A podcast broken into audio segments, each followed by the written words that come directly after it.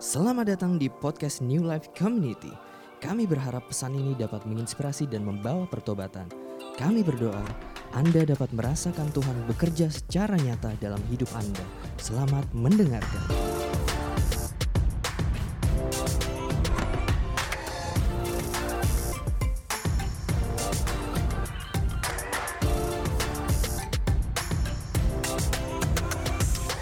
Shalom jemaat NLC, sangat senang sekali bisa bertemu kembali kita, tapi dalam format yang berbeda. Biasanya kita ketemu dalam tatap muka, kali ini kita ketemu dalam format online, tapi saya percaya nggak mengurangi eh, hadirat Tuhan di dalam kehidupan kita, tidak mengurangi bobot firman Tuhan yang akan disampaikan. Nah, izinkan saya mulai dari satu cerita menarik. Di tahun 2007 ada sesuatu yang menarik terjadi. Diadakan sosial eksperimen oleh salah seorang jurnalis Washington Post di subway station yang ada di Washington DC, gitu ya. Dia undang seorang pemain violin yang cukup handal untuk bermain di subway tersebut. Yang menarik selama 45 menit si violinis ini bermain, eh, nggak uh, banyak orang notice ada terekam kamera seorang anak yang ya berhenti sebentar di sana lalu langsung ditarik oleh orang tuanya. Dan selama 45 menit terkumpul 32 US dollar, itu pun dari 20 orang saja, dari sekian banyak orang yang lewat di uh, subway station tersebut. Dan tercatat hanya enam orang yang berhenti untuk menyaksikan sebentar, lalu jalan lagi. Nah, setelah 45 menit, beberapa orang diwawancara ditanya, kamu ya tahu nggak ada yang bermain violin di sana?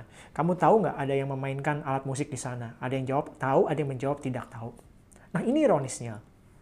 Ternyata sang pemain violin ini bernama uh, Joshua Bell. Bernama Joshua Bell, yang dikatakan dia one of the greatest musician di dunia. Bahkan menurut artikel ini, dua malam sebelumnya dia baru saja menggelar menggelar konser yang tiketnya sold out di Boston Theater dan harga tiketnya untuk orang bisa nontonin dia 100 US dollar. Kebayang nggak? 100 US dollar tahun 2007 itu pasti bukan hal yang murah. Dan e, dari penelitian ini banyak orang terenyuh gitu saudara dan tidak tahu bahwa ternyata yang bermain violin adalah si Joshua Bell itu sendiri.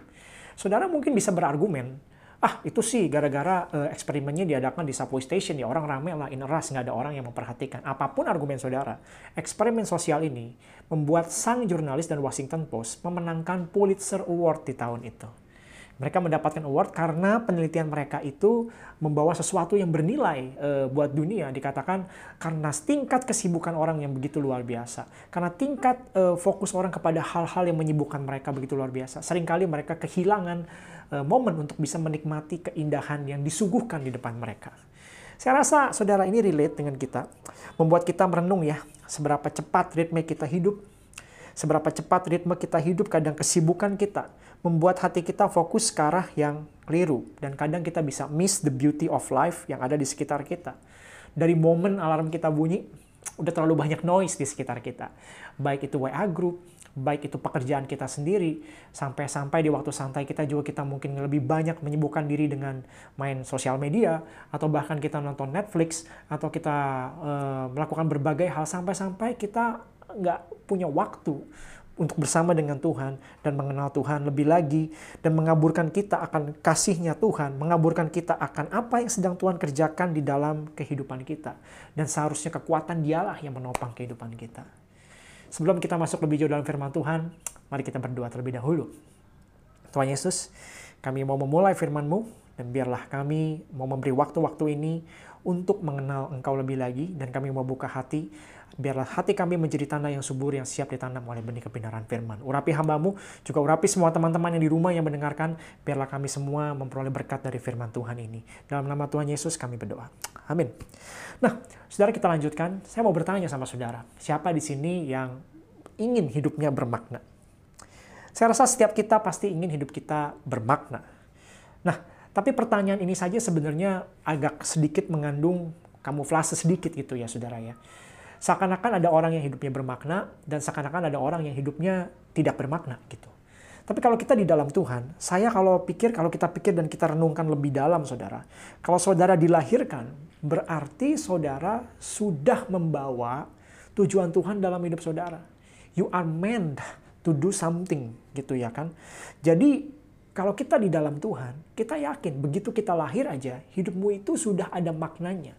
dan maknanya sudah ditentukan oleh Tuhan. Makanya engkau lahir. Tapi masalahnya kan bukan pada intensi awal Tuhan. Masalahnya adalah di sini. Sesuai gambar berikut ini. Nah, gambar yang saudara saksikan itu adalah gambar batu nisan, di mana ada rentang hidup dari seseorang lahir sampai rentang hidup uh, seseorang meninggal. Jadi diletaknya di dash itulah, di tanda strip itulah, yang menentukan apakah seseorang itu hidupnya menjadi bermakna atau meaningful atau tidak. Jadi saudara prinsipnya adalah setiap hidup kita itu bermakna di dalam Tuhan. Otherwise kita nggak dilahirkan di dunia ini. Nah judul saya pada siang hari ini adalah bikin hidup lebih hidup. Bikin hidup lebih hidup. Dan saudara, satu bulan ini saudara membahas tentang don't feel it. Bagaimana kita mengikut Tuhan, tapi kadang-kadang kita nggak feel it. Kadang-kadang kita kayaknya nggak, nggak, nggak rasa kita mau close enough dengan Tuhan. Nah, kita akan bahas seputar itu pada siang hari ini. Nah, tapi saya letakkan fondasi dulu saudara. Mari kita buka uh, ayat firman Tuhan Yohanes 10 ayat 10. Yohanes 10 ayat 10. Kita perlu menyadari, saudara, kehadiran Yesus di dunia ini itu untuk menyelamatkan kita dan juga merestorasi apa yang sebenarnya menjadi intensi Tuhan akan setiap kehidupan kita. Nah, Yohanes 10 ayat 10 berkata dalam terjemahan bahasa Inggris, saudara, dikatakan seperti begini, uh, Amplify Bible, The thief comes only in order to steal and kill and destroy.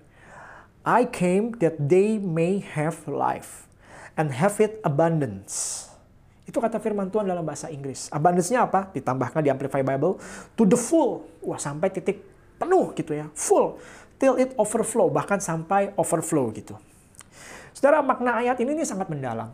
Bahwa kalau kita perhatikan lebih jauh ayat ini di atas-atasnya, Yesus sedang membandingkan dirinya dengan banyak pemimpin di dunia dan juga bahkan banyak orang jahat. Dan Yesus mengatakan ibaratnya dia adalah gembala yang baik. Dia mau e, semua domba-dombanya menikmati kehidupan atau hidup yang berbeda. Bahkan the Greek word untuk abundance sendiri itu perisos memiliki makna matematis itu artinya surplus gitu saudara. Surplus dan melimpah. Dan ini melebihi ukuran dari diri kita sendiri. Nah, tapi apakah yang melebihi ukuran dari kita sendiri? Bukan mengenai harta lah macam-macam seperti itu, saudara. Yang dimaksudkan adalah keberadaan Yesus sendiri itu lebih dari apa pun yang kita butuhkan di dunia ini. Dan itu aja udah melimpah banget gitu ya. Di mana rasa cukup kita itu berdasarkan keberadaan Tuhan di dalam kehidupan kita. Jadi melimpah di sini bukan sekedar lamanya hidup, bukan sekedar hidup yang tiba-tiba jadi easy dan jadi nyaman gitu ya kan tapi kepuasan dan kecukupan hidup di dalam Tuhan Yesus itu sendiri. Saya kutip salah satu pengkhotbah terkenal zaman dulu namanya Charles Spurgeon, saudara. Dia katakan hidup di dalam Tuhan tuh kayak gini. Life is a matter of a degrees. Jadi kayak ada derajatnya gitu. Atau nyalanya gitu. Atau kadarnya gitu. Some have life but it flickers like a dying candle. Beberapa orang hidup seperti nyala lilin yang udah mau mati. Atau dikatakan lagi saudara, and it's and is indistinct as the fire in the smoking flags sama atau seperti kayak nyala api yang tapi samar gitu karena ada asap yang menyala-nyala gitu saudara ya. Tapi other others are full of life. Orang lain ada juga yang menghidupi kehidupannya itu full and are bright and vehement. Dan menjalani kehidupannya yang begitu menyala dan menerangi begitu banyak orang. Jadi saudara, hidup kita itu harusnya seperti itu. Hidup yang melimpah itu di dalam Tuhan artinya seseorang tuh punya stamina yang baik gitu ya. Selalu punya energi yang menular gitu untuk menularkan kasih Tuhan kepada banyak orang dan membawa semangat dalam hidupnya untuk jadi berkat buat orang lain juga dan jadi untuk kemuliaan nama Tuhan saudara. Dan kalau kita baca ayat firman Tuhan yang lain, semuanya siapa yang nggak suka ayat yang katakan, yang firman Tuhan katakan kamu adalah garam dunia, kamu adalah terang dunia. Wow, amin. Pasti kita kalau duduk gitu ya kita bilang yes, wow, wow, wow. Kita, kita akan menjadi berdampak dan bersinar. Dan kita berkata gitu, Tuhan aku mau yang seperti itu. Tapi masalah muncul gitu saudara. Masalah muncul pada waktu kita melihat kehidupan kita sendiri. Kok kenyataannya kayaknya berbeda gitu. Kok berasa gini ya? Sometimes ya kayaknya like I don't feel it gitu. Ya gini-gini aja hidup. Bahkan mungkin bosan. Bosan. Saya yakin saudara dalam pengiringan kita dalam menjalani hidup bersama dengan Tuhan, secara real dan secara nyata, kita pasti akan menghadapi momen-momen yang kayaknya seperti ini. Nggak enak, kayaknya I don't feel it, bahkan mengalami bosan di dalam kehidupan saudara. Di tengah hal seperti itu, saudara, saya mau kasih saudara satu prinsip terlebih dahulu. Pendekatan kita tuh harusnya begini. Our approach toward life is the greatest factor in determining whatever we find life as a Christian boring or filled with wonder and interest. Jadi sudut pandang kita tentang kehidupan akan menjadi faktor yang menentukan apakah sebagai orang Kristen hidup kita itu boring atau penuh warna. Pendekatan kita terhadap hidup kita akan sangat menentukan apakah hidup kita sebagai orang Kristen itu boring atau penuh dengan warna. Nah, menurut riset saudara, banyak orang termasuk orang Kristen itu bosan dengan hidupnya. Survei mencatat beberapa waktu yang lalu, lebih dari 50% orang Amerika pergi ke tempat kerja justru kabur karena kebosanan. 70% remaja Amerika berkata mereka bosan dengan masa sekolahnya atau masa kuliahnya. Survei yang sama juga melaporkan 25% remaja dilaporkan itu membuang hidupnya dengan kemabukan karena hidupnya penuh dengan kebosanan. Interesting, saudara. Karena kita ini hidup di zaman di mana semuanya hampir ada gitu. Baik tayangan-tayangan film atau baik tayangan-tayangan musik, kita semua menikmatinya. Berbeda dengan zaman Alkitab dulu. Di mana di zaman Alkitab dulu itu tidak ada hal kayak kita sekarang. Mereka hidup ya merenungkan firman, ber, bercengkrama, ngobrol satu dengan yang lainnya. After that ya udah, nggak punya Spotify, nggak punya Netflix kayak kita sekarang ini. Nggak punya online shopping seperti kita sekarang ini. Dan mereka enjoy their life. Nah saudara, Kata bosan sendiri, menurut KBBI itu apa? Sudah tidak suka lagi karena sudah terlalu sering atau terlalu banyak. Ya make sense juga sih kalau bosan didefinisikan seperti gini. Misalkan dalam urusan makan, kalau saudara hari ini makan bakmi ayam gitu, besok bakmi ayam, besok bakmi ayam, besok bakmi ayam. Selama 30 hari saudara makan terus bakmi ayam, ya pasti uh, saudara bosan. Atau saudara udah nonton drakor uh, judul tertentu, besoknya finishin lagi satu season judul ini. Besoknya lagi finishin lagi satu season judul ini. Sampai setahun nonton film ini terus berulang-ulang. Ya pasti bosan gitu saudara ya. Bosan kayak gini sih masih make sense. Tapi yang saya maksudkan bukan bosan yang seperti itu. Bosan yang saya maksudkan lebih dalam lagi.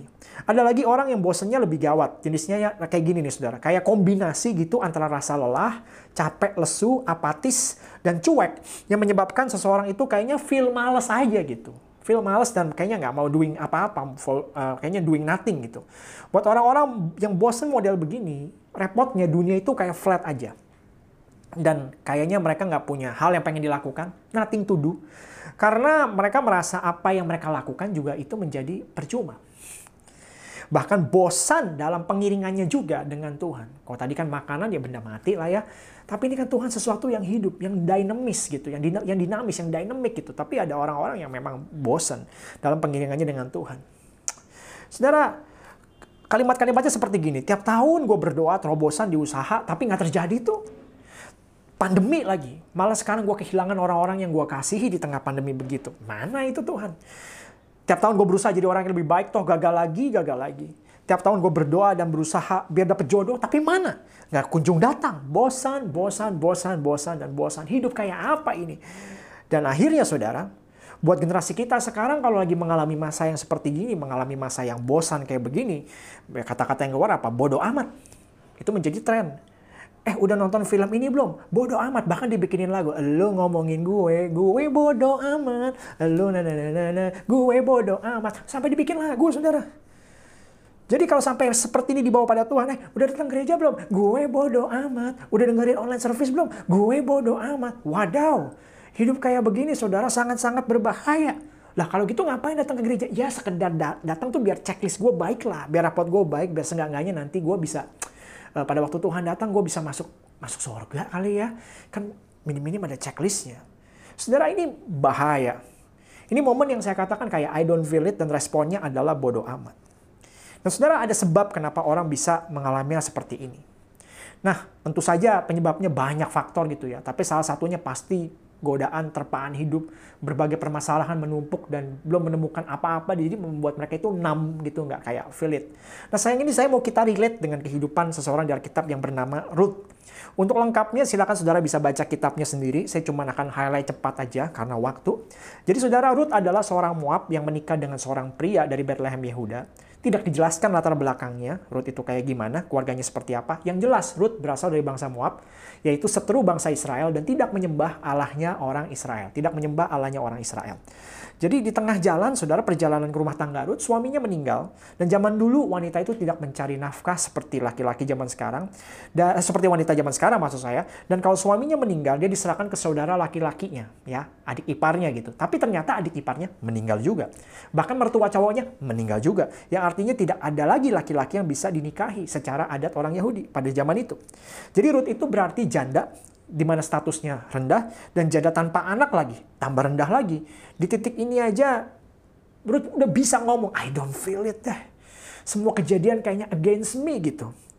Nah, mertuanya cukup baik dan akhirnya meminta Ruth dan Orpa. Orpa tuh uh, bisa bilang uh, saudara iparnya Ruth gitu ya Eh, sama-sama menikah dengan kakaknya atau adiknya dari suami Ruth gitu dan meninggal. Dan uh, mantu satu lagi ini juga uh, diminta sama Naomi seperti begini, tertulis di Rut 1 ayat 12 sampai 13, Rut pulanglah anak-anakku, pergilah, sebab sudah terlalu tua aku untuk bersuami. Seandainya pikirku ada harapan bagiku dan sekalipun malam ini aku bersuami, bahkan sekalipun aku masih melahirkan anak laki-laki, masakan kamu menanti sampai mereka dewasa?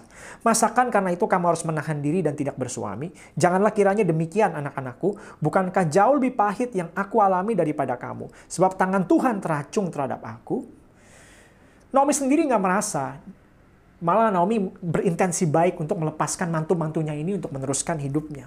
Jadi Ruth dan Orpa dibebaskan untuk pulang. Tetapi Ruth memilih, sekali lagi, memilih mengikuti mertuanya. Ruth memilih mengikuti mertuanya. Jelas Ruth punya pilihan untuk pulang ke rumahnya. Life must going on dan melanjutkan hidup dengan bangsanya. Tapi yang makin menarik adalah kalimat ini yang saya yakin alasan dia mengikuti Naomi. Ruth 1 ayat 15-17 berkatalah Naomi, telah pulang iparmu kepada bangsanya dan kepada para allahnya. Garis bawahi kepada para allahnya, pulanglah mengikuti iparmu. Itu saran Naomi kepada Ruth. Tetapi kata Ruth, janganlah desak aku meninggalkan engkau dan pulang dengan tidak mengikuti engkau. Sebab ke mana engkau pergi, ke situ jugalah aku pergi. Dan di mana engkau bermalam, di situ jugalah aku bermalam. Bangun bangsa mula bangsaku dan Allah mulah Allahku. Amazing. Di mana engkau mati, aku pun mati di sana, dan di sana aku dikuburkan. Beginilah kiranya Tuhan menghukum aku, bahkan lebih daripada itu, jika sesuatu apa pun memisahkan aku dari engkau, selain daripada mau. Walaupun terkesan ucapan Ruth kayaknya biarlah beginilah Allah menghukum aku. Tapi dia mengatakan bahwa Allahmu adalah Allahku juga. Jadi Orpa meninggalkan Naomi, gitu ya, mantu satu meninggalkan Naomi, Ruth malah memilih ikut Naomi. Dan di statement jelas bahwa Allah Naomi menjadi Allah Ruth. Alasan apa lagi? membuat uh, Ruth mengikuti Naomi. Kalau menurut saya ini adalah alasan yang sangat penting bahwa Allah Naomi menjadi Allah Ruth. Pasti selama pernikahan mereka Naomi menjelaskan tentang Allah Israel itu siapa sehingga pola pikir Ruth bisa seperti ini dan dia memutuskan memikirkan faktor Allah ini untuk menjadi uh, mengikuti Naomi. Saudara dari pilihan Ruth ini ada ada dua hal yang kelihatan di sini saudara yang kalau kita bisa gali lebih dalam. Yang dua hal yang men, yang bahkan mengagetkan saya. Dan menurut saya ini adalah penyebab orang hidup dalam rasa bosan tapi Ruth menepis itu semua. Nah, saudara ada dua serangan dalam hidup yang membuat kebosanan hadir dalam generasi kita. Yang pertama, saudara, uh, kalau saudara mau catat, gaya hidup more is better gaya hidup more is better. Kita hidup di, di society yang mendorong kita untuk percaya more is better.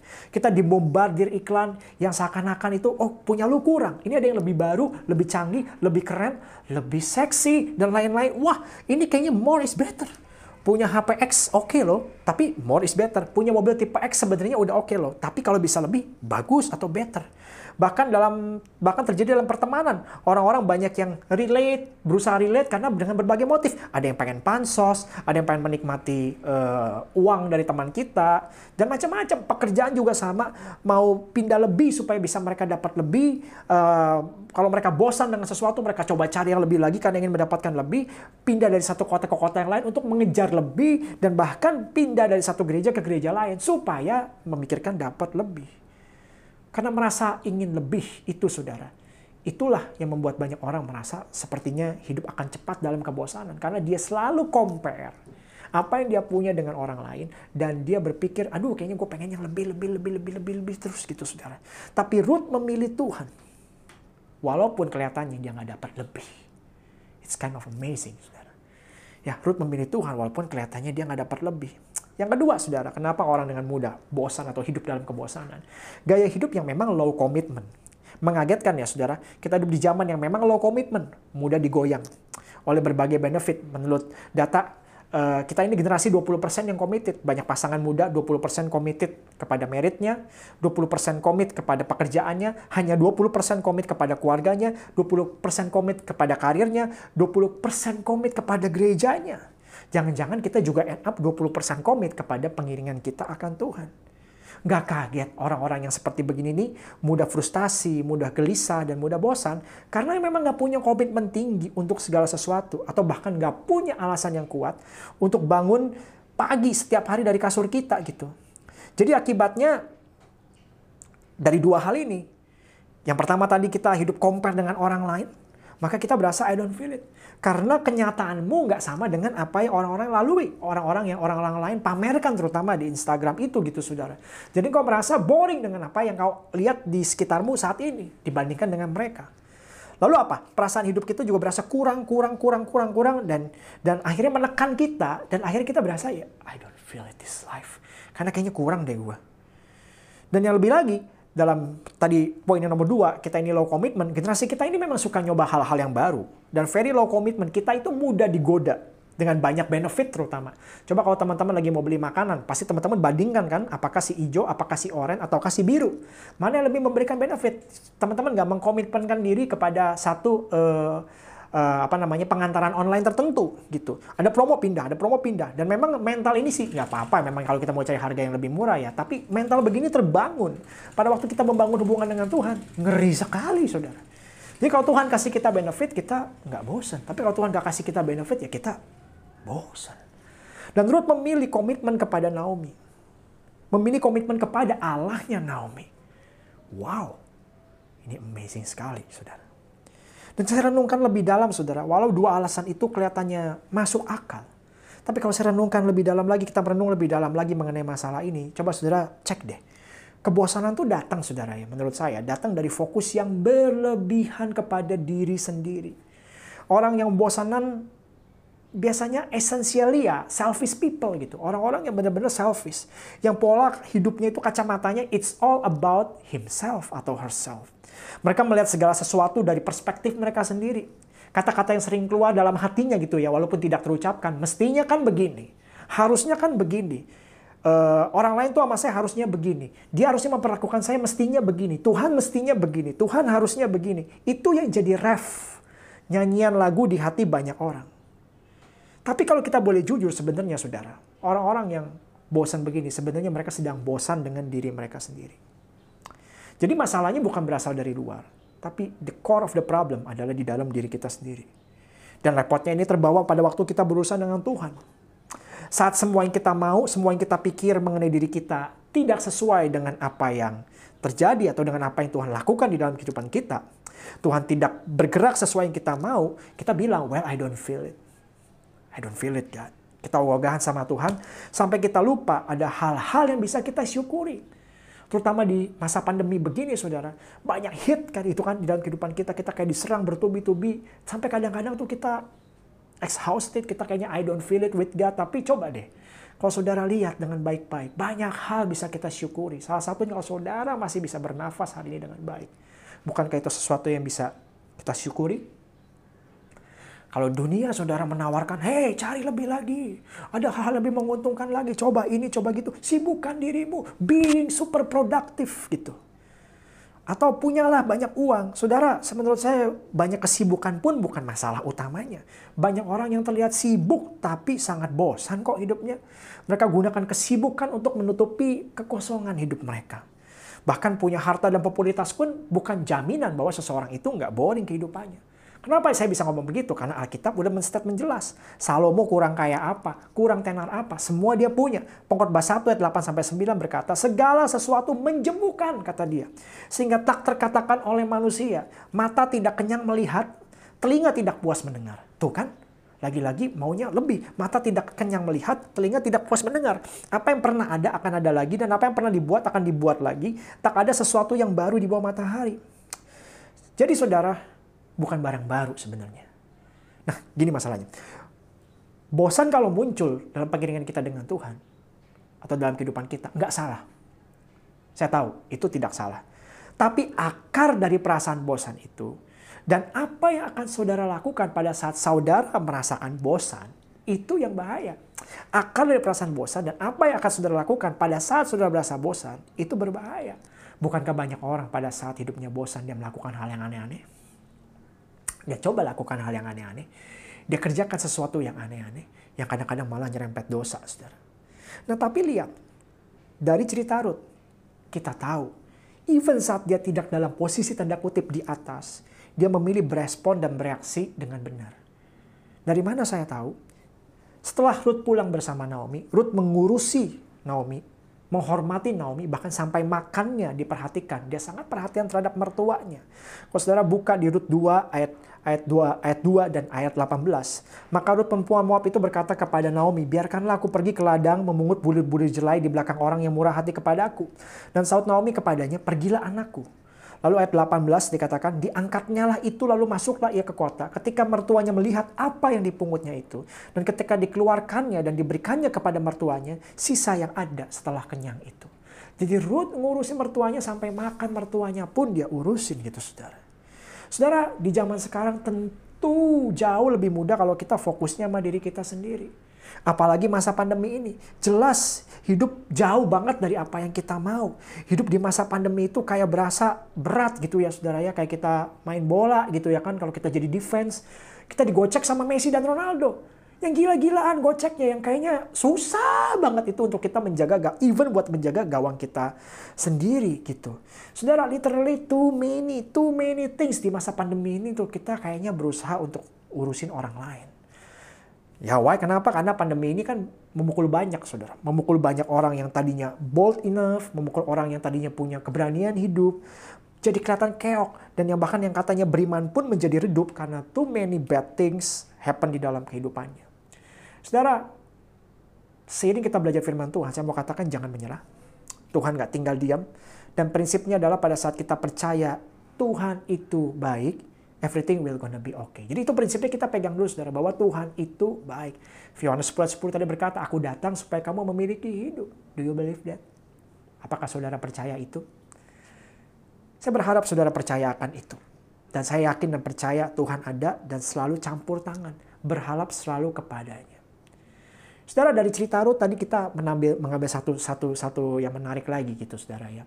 Bahwa Ruth peduli dengan orang lain.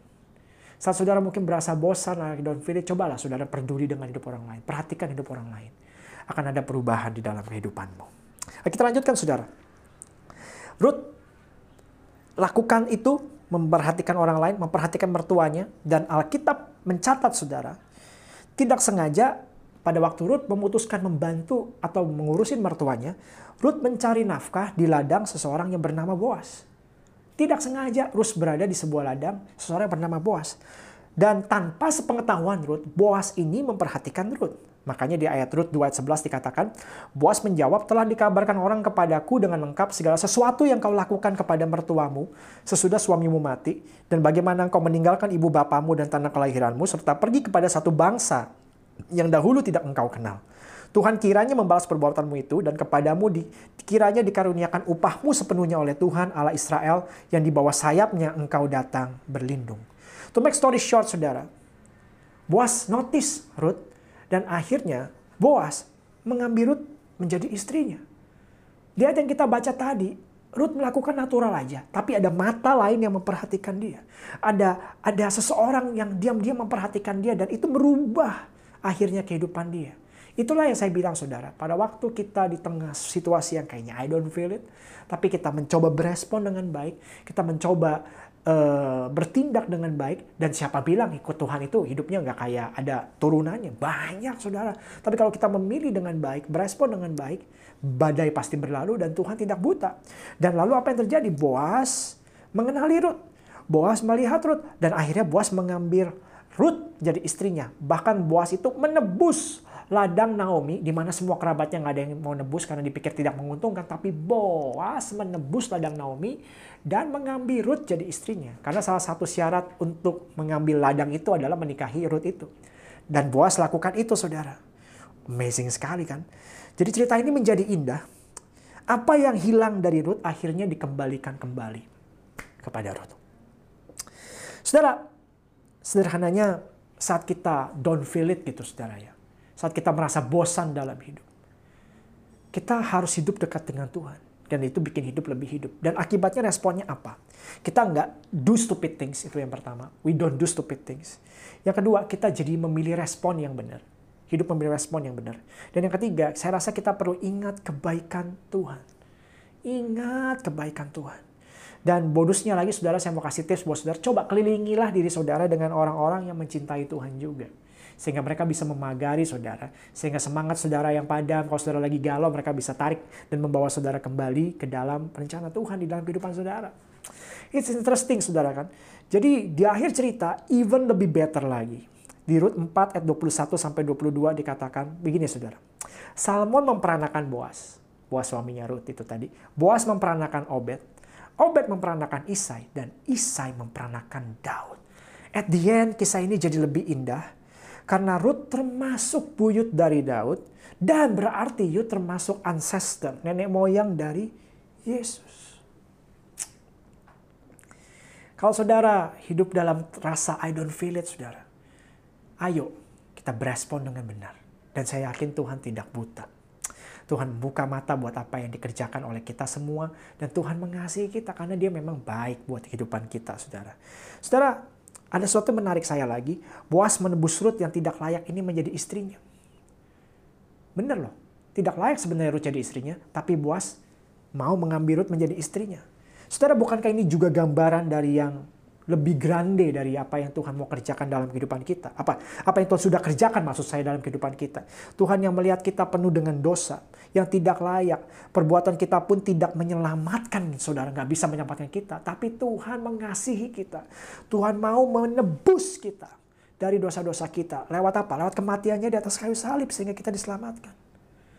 Saudara dalam masa-masa, saudara rasanya I don't feel it. Coba pandang salib Yesus itu saudara.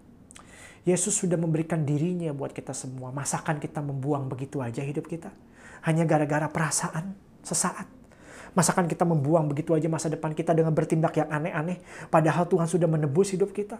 Jangan mau hidup penuh dengan tipuan si iblis ini saudara.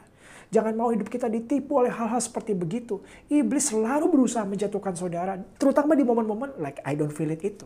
Momen-momen di mana kayaknya kita bosan itu. Sementara Tuhan pengen hidup kita itu lebih hidup lagi.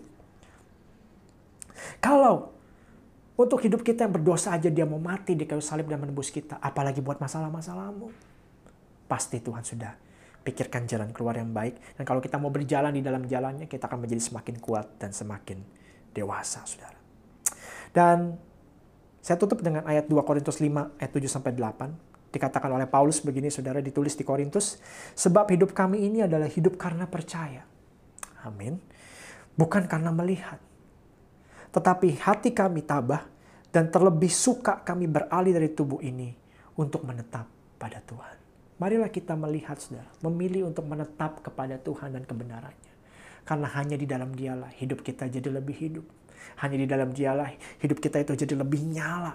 Karena kekuatan dari kita nggak mungkin bisa. Tapi kalau kekuatan Tuhan di dalam kita, saudara, Tuhan akan membuat hidup kita itu berbeda. Respon kita akan berbeda. Your source of power bukan dari apa yang kelihatan di depan matamu, tapi dari apa yang ada di dalammu, saudara. Jadi, New Living uh, Community Church, NLC, saya berdoa agar kita menjadi anak-anak Tuhan yang luar biasa. NLC, let God help us all. Bila Tuhan menolong kita semua untuk hidup dalam kebenarannya. Dan marilah kita ikuti teladan Ruth untuk memilih yang benar di dalam kehidupan kita dan berespon dengan baik dalam kehidupan kita. Mari kita berdoa. Tuhan Yesus, kami mengucap syukur buat firman-Mu yang singkat pada siang hari ini. Kami percaya Kau berada di tengah-tengah kami uh, hambamu terbatas dalam komunikasi Tuhan, tapi biarlah uh, jemaat yang mendengarkan boleh meraih kebenaran firman Tuhan dan roh kudus mewahyukan kebenaran itu dalam kehidupan mereka semua. Biarlah kami nggak mau jadi Kristen yang ya mudah digoyang-goyangkan oleh sesuatu, mudah digoyang oleh mood kami sendiri, tapi biarlah kami menjadi Kristen yang teguh, yang kokoh, sama seperti Paulus yang berkata, kami ini hidup oleh percaya dan bukan karena melihat Tuhan. Kami mau mempercayakan hidup kami ke dalam tangan Tuhan, karena kau adalah Bapa kami yang baik. Terima kasih Tuhan buat persekutuan pada siang ini. Kami mau serahkan uh, hidup kami ke dalam tangan Tuhan lebih lagi. Dan kami percaya Tuhan bersama-sama dengan kami. Pimpinlah langkah-langkah kami. Sehingga hidup kami semakin hari semakin menyenangkan Tuhan. Terima kasih Tuhan Yesus. Di dalam nama Tuhan Yesus kami berdoa dan mengucap syukur. Dan semua yang diberkati katakan Amin. Terima kasih sudah mendengarkan podcast ini. Kami berdoa Anda diberkati melalui pesan yang telah disampaikan. Mari sapa kami melalui Instagram @newlifec dan bagikan pesan ini supaya lebih banyak orang yang diberkati.